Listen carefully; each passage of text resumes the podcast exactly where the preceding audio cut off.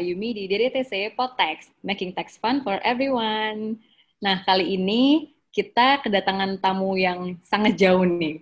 Ini beneran jauh, karena kita uh, akan mengobrol bersama Pak Gatot Subroto. Beliau sedang uh, melanjutkan PhD-nya di uh, Inggris nih. Jadi, coba kita sambungkan dulu ya dengan Pak Gatot.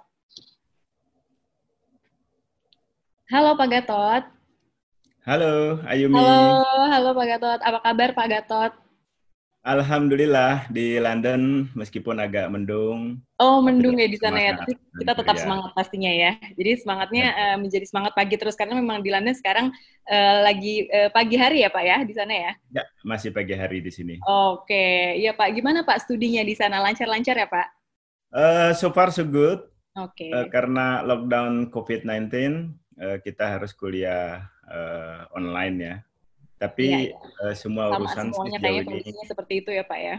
Lancar-lancar saja, ya. Oke, nah iya Pak, nah, ngomong-ngomong COVID-19 mungkin bisa diceritakan dulu nih Pak uh, kepada pendengar atau viewers kita gimana sih keadaan di sana ketika COVID-19 sekarang Pak? Ya, uh, alhamdulillah di Inggris sekarang ini uh, pemerintah sudah uh, sedikit rilis ya jadi beberapa okay. toko pusat-pusat yeah. keramaian sudah mulai dibuka, meskipun oh, ada tetap ada restriksi dalam interaksi dengan protokol yang cukup ketat ya. Oh, Misalnya okay. angkutan umum kita harus pakai uh, full face ya. Oke, okay, atau yeah. menjaga jarak kalau lagi antri dan segala macam. Oh, Oke, okay. itu disuruh. Tapi overall sih Pak. sudah oh, mulai normal sih. Oh iya iya, jadi uh, sudah tidak uh, apa ya seketat sebelumnya gitu ya Pak ya?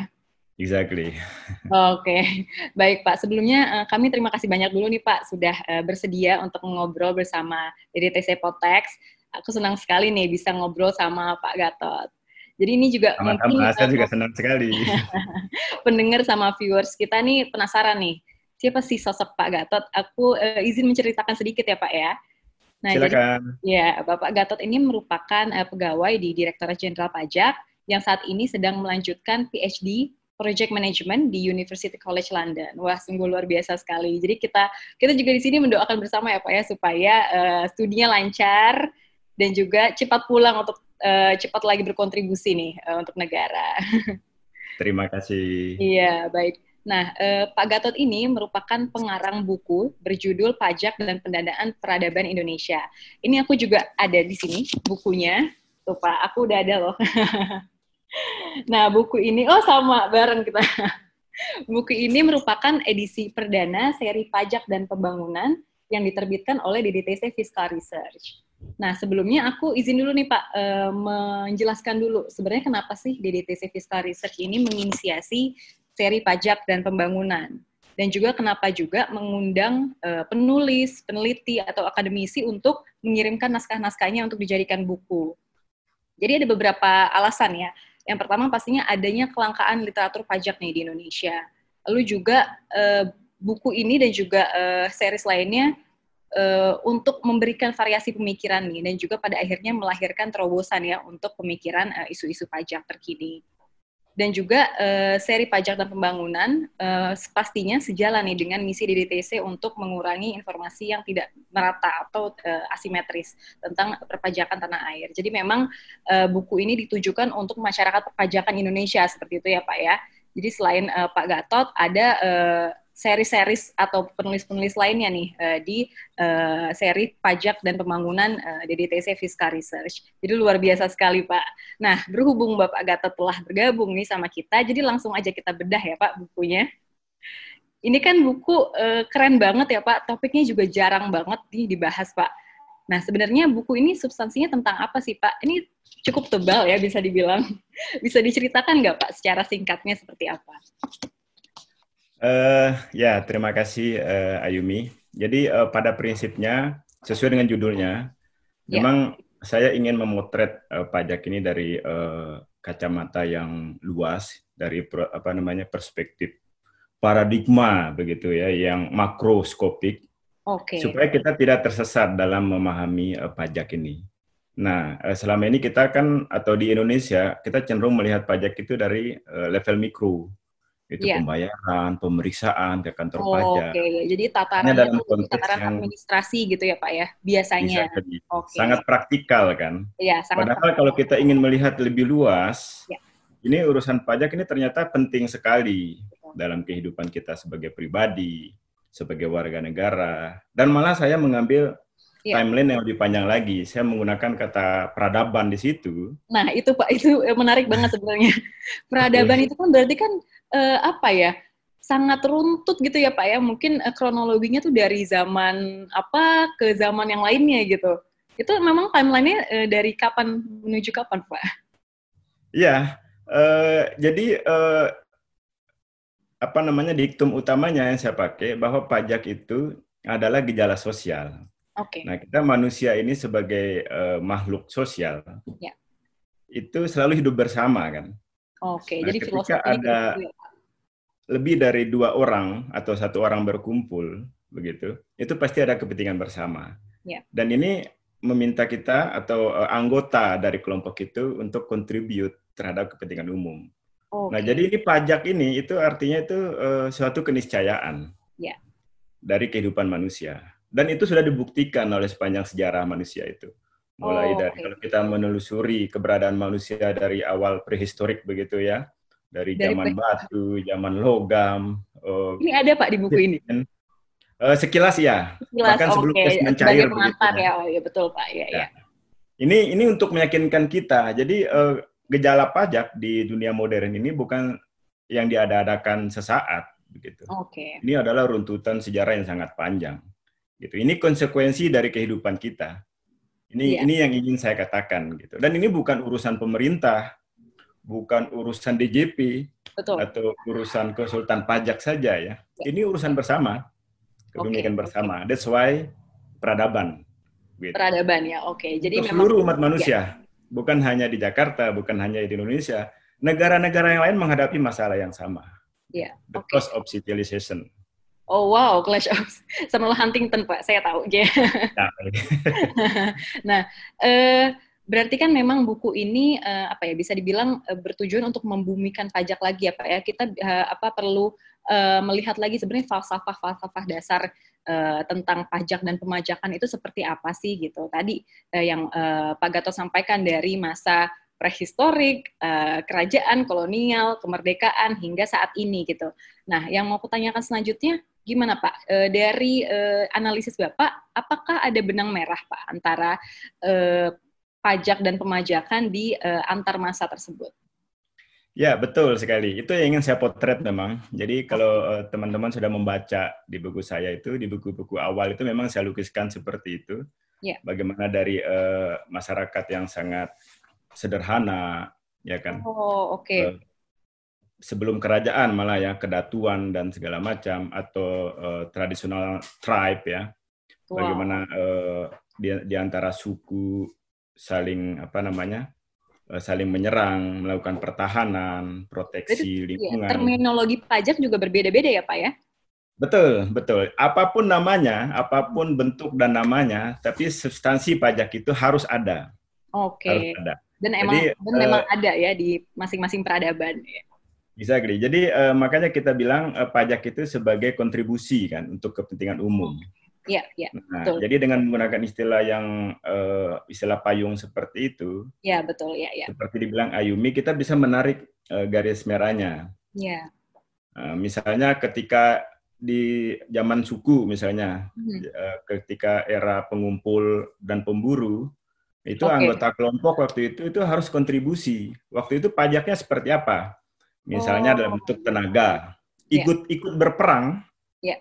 Ikut berperang itu itu adalah bentuk pemajakan yang paling konvensional. Oh, oke okay, oke. Okay. Bukan Jadi lagi uang saja yang diserahkan ya. Oke, okay. kontribusi kepada uh, masyarakat atau society ya, Pak ya. Betul sekali. Betul. Malah lebih berat waktu itu. Bukan hanya bukan uang atau barang yang diserahkan. Oh. Nyawa loh. Oke oke wah menarik sekali pak. Jadi nggak ya, hanya belajar pajak kita juga belajar ya benar peradaban ini seperti apa gitu kan? Karena memang pastinya akan apa ya bersinggungan atau e, ber apa interaksi ya dengan faktor-faktor lainnya, faktor-faktor kehidupan lainnya pada zaman tersebut gitu. Ya wah. salah satu uh, kutipan menarik yang saya saya taruh di buku saya itu Iya, Pak. bahwa jika suatu bangsa tidak belajar memajaki dengan benar, Ya. dia akan berhenti untuk eksis gitu. Dia akan hilang dari peradaban. Wah, itu dari uh, filsuf mana, Pak? Ini dari mantan Perdana Menteri Rusia ya. Oh, oke, oke. lupa- Wow, lupa namanya. Jadi Mm-mm. memang, eh, sebenarnya banyak juga ya kebijaksanaan atau eh, apa ya quote-quote yang ada di eh, bukunya Pak Gatot ini gitu. Jadi memang eh, mungkin ini eh, apa ya sangat eh, apa relatable nih eh, sebenarnya untuk mungkin mahasiswa-mahasiswa yang eh, ingin mengetahui gitu ya dasar-dasar eh, pajak tuh seperti apa sebelum eh, menyelami eh, apa namanya tataran administrasi atau tataran praktis gitu ya Pak. Tepat sekali. Memang itu juga salah satu misi eh, penulisan buku saya oh, ini. baik baik ya. Eh, ini sebenarnya dengan kata lain saya bisa katakan ini adalah hasil pemikiran saya, Oke. eh, gagasan individu saya Ya. untuk generasi muda bahkan generasi ke depan. Mungkin ide-ide dalam buku ini tidak laku saat ini. Oke. Banyak yang skeptis, banyak yang menolak malah ya, racist karena begitu eh, dipandang Iya. begitu. eh, Apalagi sekarang dibentukkan dengan ya gelombang globalisasi, disrupsi teknologi gitu ya Pak ya. Betul. Iya. Tapi saya yakin untuk generasi-generasi yang akan datang, ini saya menganggap ini sebagai surat saya untuk generasi Indonesia. Wah, 50 luar biasa sekali. ke depan. Dalam yang saya tanamkan di yang saya tanamkan di kapsul waktu ya. Suatu saat nanti orang-orang akan membaca, oh dulu tahun 2019, Ya, betul, oh, Pak Gatot dulu pernah memiliki gagasan seperti ini ya. Ya, ya. Karena ya, Setidaknya di, kita sudah pernah mencoba berpikir begitu. ya saya lihat di satu bab tuh kan ada yang eh, apa namanya judulnya adalah belajar dari sejarah masa depan gitu. Itu saya langsung berafiliasi dengan eh, film Back to the Future Pak gitu.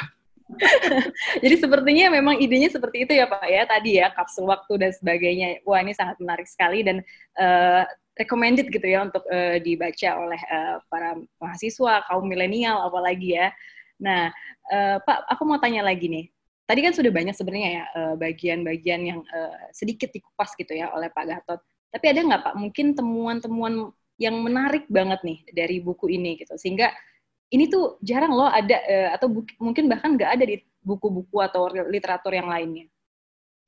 Eh, ya, eh, jadi dari kacamata futurolog seperti dibilang Ayumi tadi, saya akan mencoba membuat trajektori ke depan.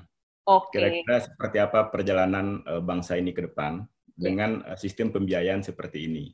Oke. Nah, cuman kita tidak bisa bikin trajektori ke depan kalau kita tidak bisa belajar dari masa lalu. Di masa lalu. Oke. Nah, baik. jadi ini saya memadukan ini eh, kalau di tenses bahasa Inggris itu ada past, present, future gitu kan. Iya betul. kita. Nah, eh, saya mencoba melakukan eh, perenungan, kemudian critical thinking terhadap Ya. eh, perjalanan eh, sistem perpajakan Indonesia. Oke. Eh, sebenarnya ada tiga pelajaran penting. Oke. Yang Apa saya yang highlight di Yang situ. perlu ya di highlightnya. Oke. Mm-mm, itu sehubungan dengan eh, cara kita sebagai bangsa, sebagai anak bangsa, memperbaiki sistem pembiayaan peradaban kita. Eh, Pembiayaan yang. saya mulai mu- dari sejarah Indonesia merdeka itu sebenarnya ada tiga momentum sebenarnya eh, yang kita lewati yang sayang sekali kita tidak manfaatkan untuk me- Oke. Ya. mengimprove sistem Momentum apa itu Pak? kita.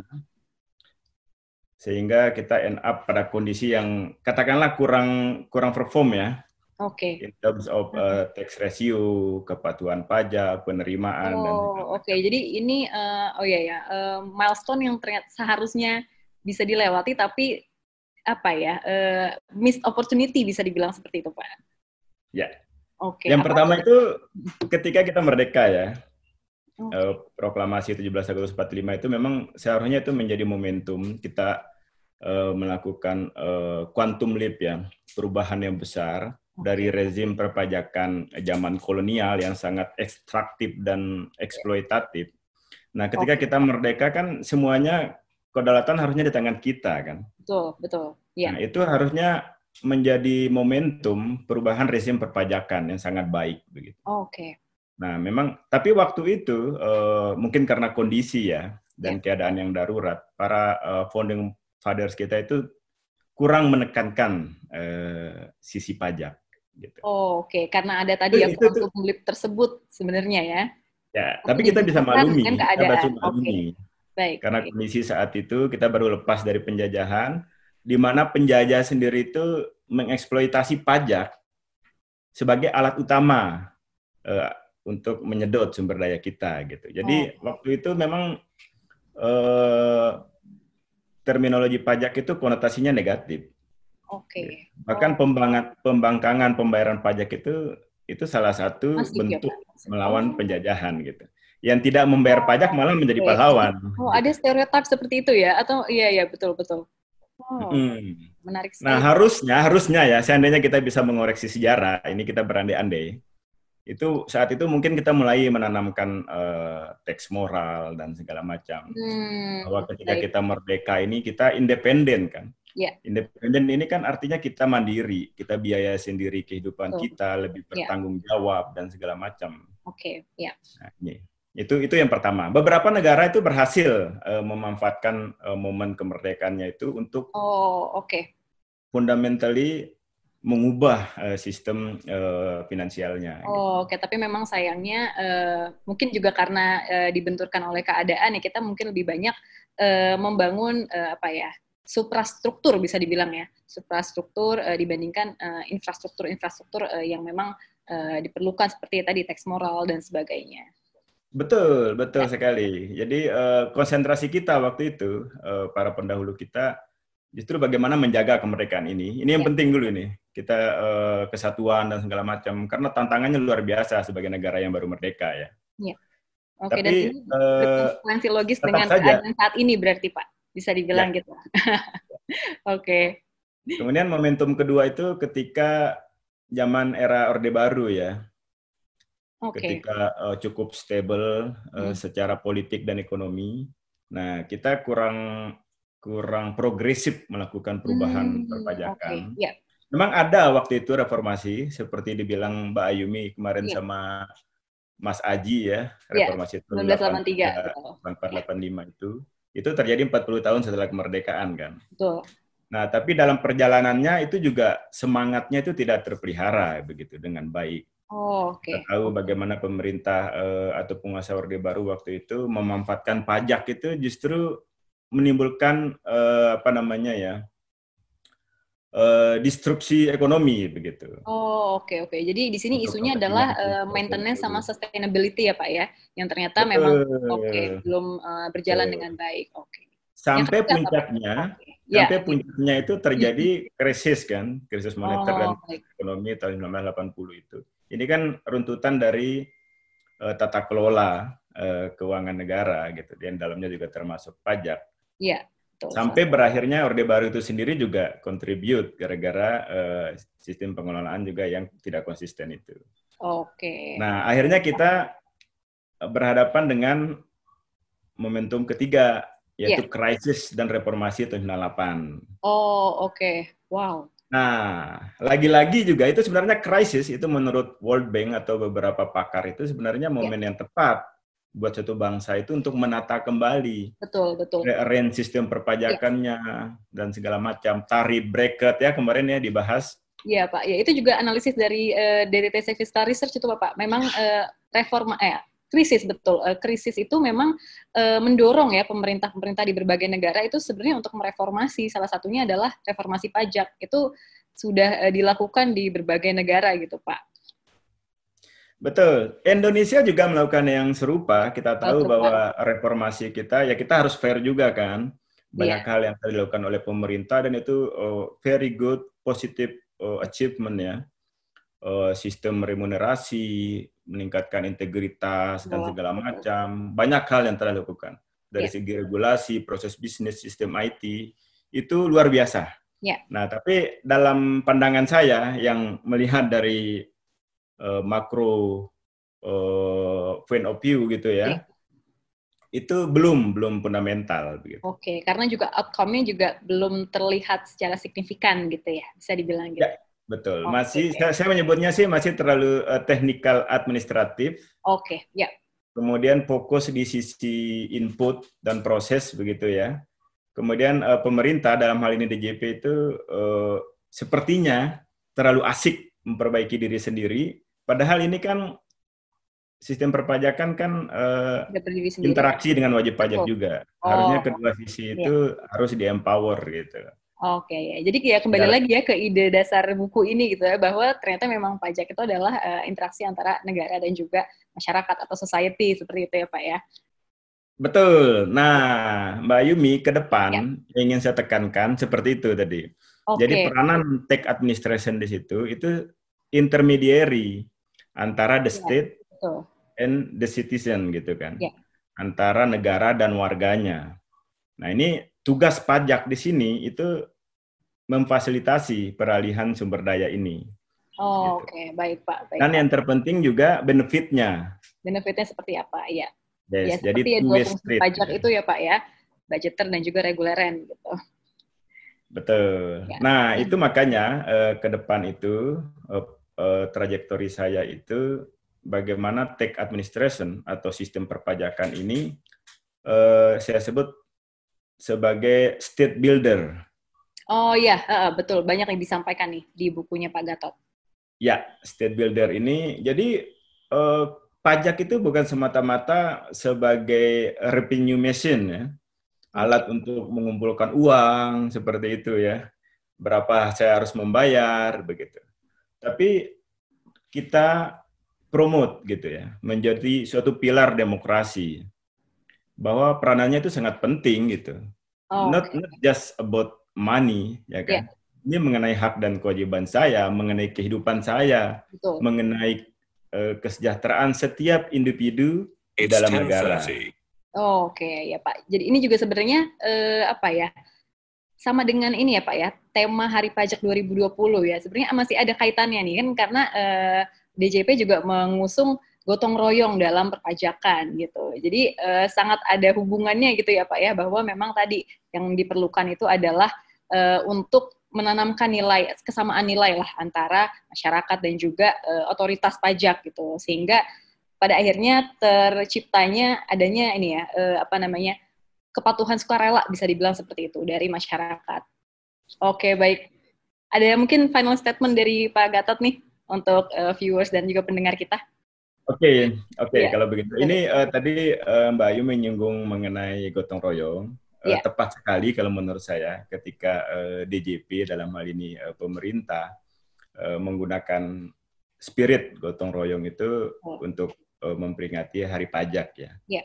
Nah it, itu nilai-nilai uh, luhur ini menurut saya juga suatu uh, karya yang luar biasa ya dari para iya. pendiri bangsa kita menemukan kata gotong royong ini uh, dan bisa menjadi perkat dari bangsa kita. Dan kemudian tantangan berikutnya, bagaimana kita mentransform spirit gotong royong ini ke dalam semangat perpajakan modern ya. Oke, okay, oke. Okay. Ya, yeah. karena gotong royong kita harus critical thinking juga. Itu berangkat dari uh, praktek budaya lokal kita yang sebenarnya sejujurnya itu bukan dari uh, ekonomi uang Oke. Okay. Gitu. Ya, betul, Lebih ke tenaga dia. Gotong royong itu artinya uh, kita apa namanya mengerjakan sesuatu secara bersama-sama kan. Oke. Okay. Ya, secara physically loh, kita harus hadir di situ. Iya, betul. Membantu tetangga kita untuk kepentingan umum dan segala macam. Bisa dalam bentuk barter juga ya, dalam beberapa sistem pertanian uh, tradisional. Iya, Kalau ya, ya. bulan ini saya bantu Mbak Yumi, nanti bulan depan Mbak Yumi bantu saya. Oh iya iya betul. Royong itu bisa kita temukan di banyak uh, suku-suku bangsa di Indonesia. Okay. Nah, cuman okay. sekarang kita harus transform semangat ini menjadi semangat yeah. pemajakan modern. Iya. Yeah. Karena ada uh, opportunity windows ke depan. Oh. Bagaimana nilai gotong royong ini bisa kita tanamkan di situ. Misalnya bonus demografi, okay. milenial, kelas yeah. menengah, oh. ya kan? Yeah. Bagaimana spirit gotong royong ini kita transform menjadi semangat membayar pajak. Ya, semangat untuk uh, berkontribusi untuk negara gitu ya Pak. Untuk peradaban. untuk peradaban, oke. Okay. Ya, kalau kalau untuk negara itu masih sempit. Ya, Ya. Dan bukan hanya untuk kita ya, untuk generasi kita. Jadi okay. uh, eh, kemarin saya belajar dari teman-teman yang dari Denmark. Di sana uh, tax rasionya sangat tinggi. Iya. Uh, government take dari ekonomi itu tinggi gitu ya sampai 45 persen.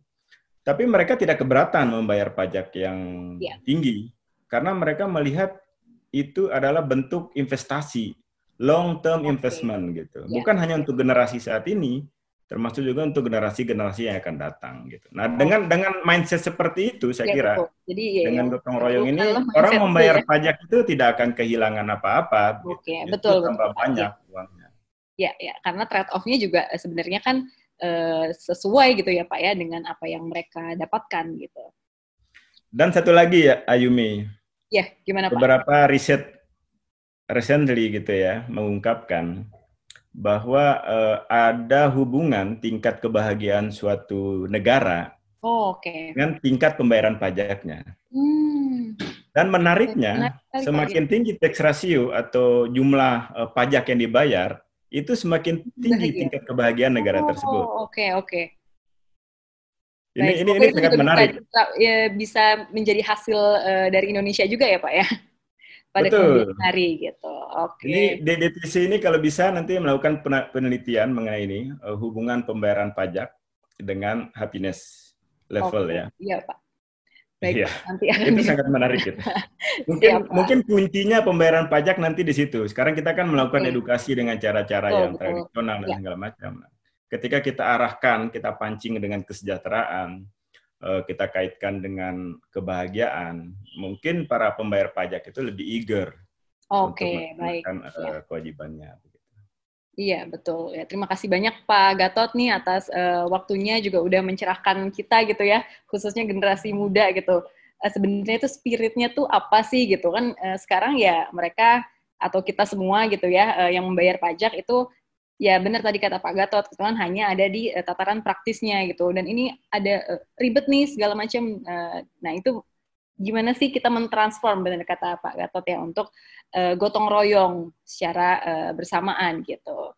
Baik, terima kasih banyak Pak Gatot atas uh, waktunya. Ini nggak kerasa udah 20 menit lebih nih Pak. Makasih banyak uh, untuk uh, berbagi di Potex. Kita tunggu nih Pak publikasi berikutnya dan juga bahkan disertasinya gitu ya Pak ya. Semangat Pak. uh, senang hati. Iya, stay uh, stay safe Pak Gatot di sana dan juga keluarga. Terima kasih banyak. Nah, baik bagi uh, kalian semua yang uh, ingin berpendapat, silahkan kalau misalnya menggunakan YouTube bisa drop komen di bawah dan juga bisa memberikan komen di uh, sosial media DDTC lainnya. Terima kasih banyak. Uh, sampai jumpa di episode uh, berikutnya. Ayumi pamit. Ciao.